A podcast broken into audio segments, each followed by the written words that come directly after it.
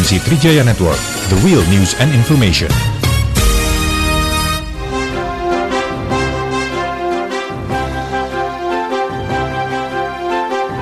Trijaya Hot Topic Pagi.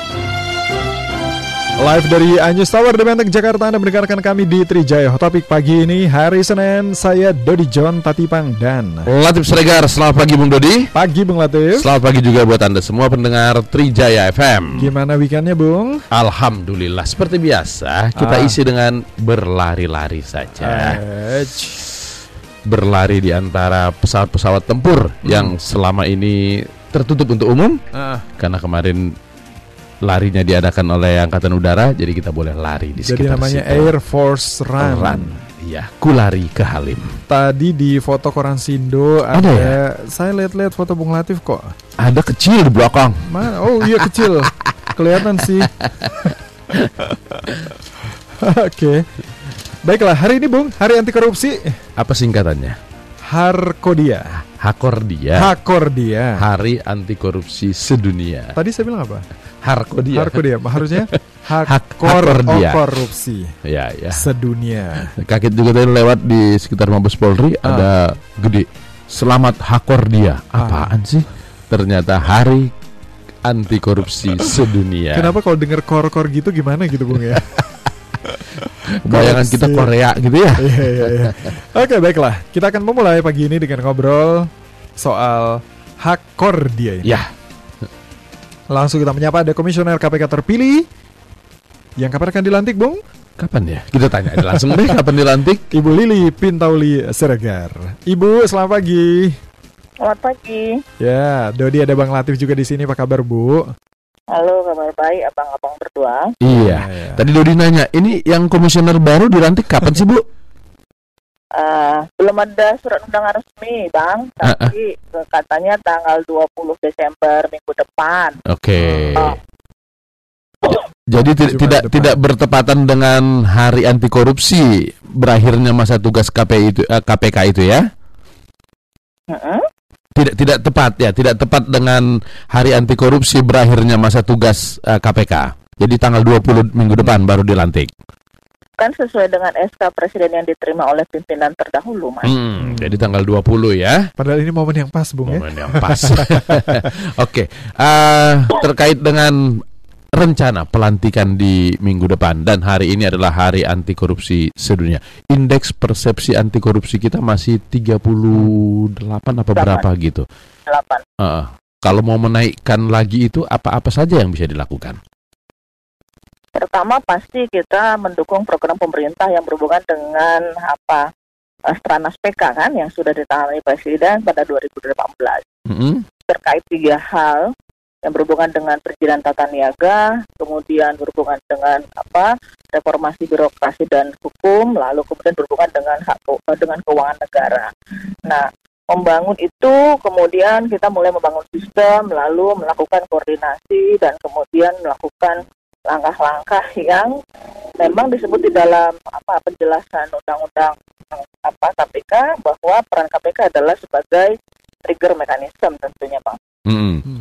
Trigger mekanisme ini berarti harus men-trigger mekanisme dan dilaksanakan oleh institusi lain. Sebagai penegak hukum yang telah ada sebelumnya. Gitu. Mm-mm. Kepolisian dan kejaksaan tentu saja. KPK, iya, Hmm. kepolisian kejaksaan ya. Selama ini kalau menurut eh, Ibu Pinta, Ibu Pinta ini Pak kerjasama tersebut berjalan dengan baik atau KPK sebenarnya terlalu maju sendirian di depan? Eh, saya belum melihat karena ini pasti sudah ada MOU. Nah, Mm-mm. terkadang kan kita melihat MOU itu bisa saja manis di tulisan, belum tentu di aplikasinya.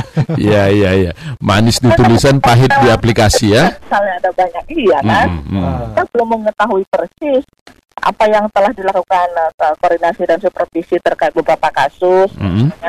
dan kemudian bagaimana bentuk apa eh, keberhasilan kan kita belum melihat secara utuh yang kita lihat kan misalnya kan laporan tahunan KPK telah menyelesaikan kasus sekian banyak misalnya disebut dengan eh, beberapa langkah-langkah gitu loh. Mm. Karena kan program sekarang kan pemerintah dari Stranas PK kan lebih mengedepankan pencegahan bang Mm-mm. dan eh, tidak menghilangkan penindakan tapi mengedepankan pencegahan. di undang-undang yang baru direvisi juga kan di pasal 6 kan mengutamakan pertama ditekankan adalah pencegahan, Hmm. lalu koordinasi supervisi, kemudian dan seterusnya dan kemudian eh, pemberantasan penindakan penuntutan dan seterusnya. Hmm.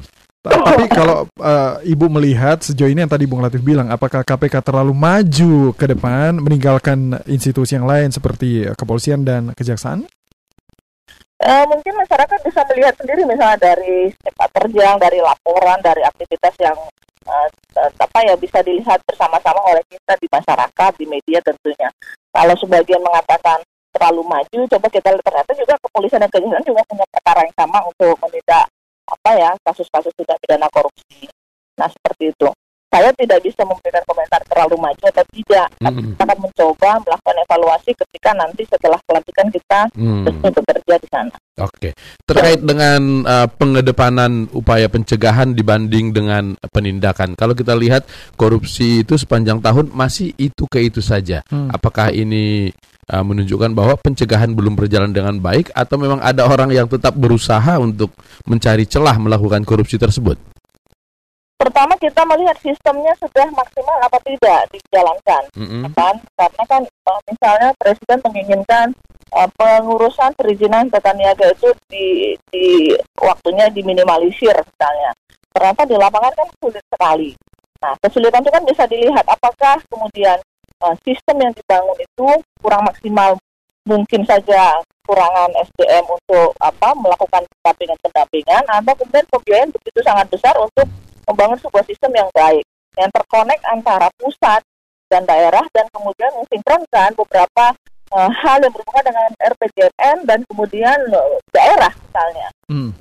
Kalau ternyata ini membutuhkan sinergi yang panjang, pasti program pencegahan untuk meminimalisir apa tindak pidana korupsi dan menaikkan IPK, maka ini akan mempunyai cerita jangka panjang, tidak bisa dalam waktu dekat 1-2 tahun ini akan menjadi dari 38 ke 50 misalnya atau ke Hmm. 40 misalnya sebagaimana eh, target presiden dengan apa dengan KPK eh, periode pemimpin yang ini misalnya gitu loh.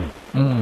Kalau sekarang Ibu melihat apakah undang-undang KPK yang baru itu mendukung nggak upaya ke sana?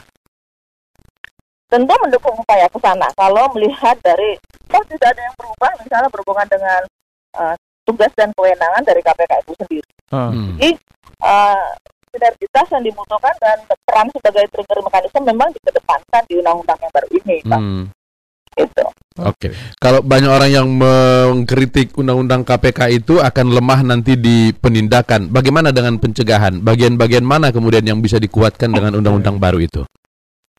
Pertama kan ini kalau dilihat undang-undang yang lama dan baru kan eh, undang-undang yang baru ada soal apa eh, pen- penegakan HAM ya. Mm-mm. Kalau yang kemarin kan tidak menyebut demikian dan pembatasan soal apa eh, kewenangan penyadapan, kemudian soal terbitan SP3, kemudian pembatasan kasus-kasus yang misalnya tidak bisa bergerak maju misalnya kan. Nah, satu sisi ini kan bisa menjadi evaluasi bagi kita, bagi KPK untuk bisa lebih profesional satu sisi lain mungkin bisa lebih profesional karena diawasi setiap pekerjaan kita. Ada yang mengawasi soal penyadapan, kemudian bagaimana soal apa eh, membuat penindakan itu berhubungan dengan penyelidikan penyidikan misalnya begitu. Jadi eh, kemudian peran supervisi apa eh, terhadap apa, institusi penegak hukum lain itu kan menjadi lebih maksimal koordinasi supervisi itu kan eh, di pasal 6 kan malah di nomor satu ya di pencegahannya. Jadi peran-peran untuk sinergitas itu sangat diutamakan. Tidak mungkin satu lembaga bisa melakukan pekerjaan, melakukan pemberantasan tindak pidana korupsi. Kita Hmm. ini sangat besar. Hmm. Elemen bangsa sangat banyak. Institusi yang telah ada sebelum KPK juga sudah lama bekerja tinggal dimaksimalkan tinggal didorong agar masyarakat punya kepercayaan lagi, tumbuh lagi dan saya pikir ini sudah banyak perubahan-perubahan terhadap kedua institusi penegak hukum ini, Bang. Hmm, Oke, soal sinergitas kalau kita lihat di era sebelumnya ada yang namanya cicak buaya karena kita tidak cocokkan antara lembaga-lembaga baru. Bagaimana nanti meningkatkan dan mengatasi persoalan-persoalan seperti itu?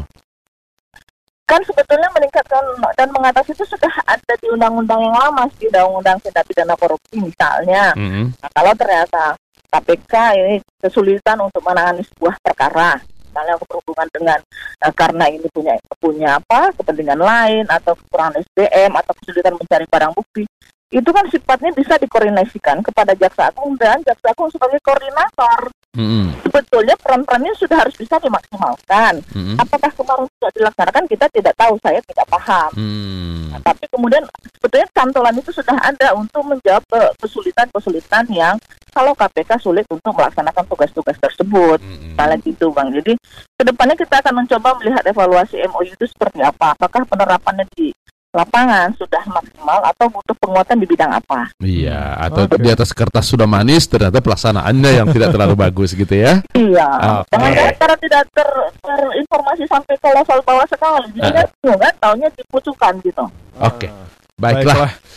Ibu, terima kasih waktunya bersama kami. Selamat di bertugas minggu depan ya. Sama-sama Bang. Oke, ya. Selamat pagi Ibu. Selamat pagi Abang berdua. Itu Ibu Lili Pintauli Siregar, Komisioner KPK terpilih 2019-2023. Jadi dengan ada undang-undang dan perangkat yang ada, apa tadi Bung, mekanisme itu tadi? Trigger Trigger mekanisme. Mm-mm. Jadi eh, yang tadi Bu Lili bilang masyarakat tuh akan kembali percaya dengan lembaga-lembaga semacam ini ya, KPK, polisi dan kejaksaan. Ya mau kasih komen langsung di sini 0812 triple satu sepuluh empat enam. Boleh juga mention kami di Twitter dan Instagram ya di @mnc Trijaya FM.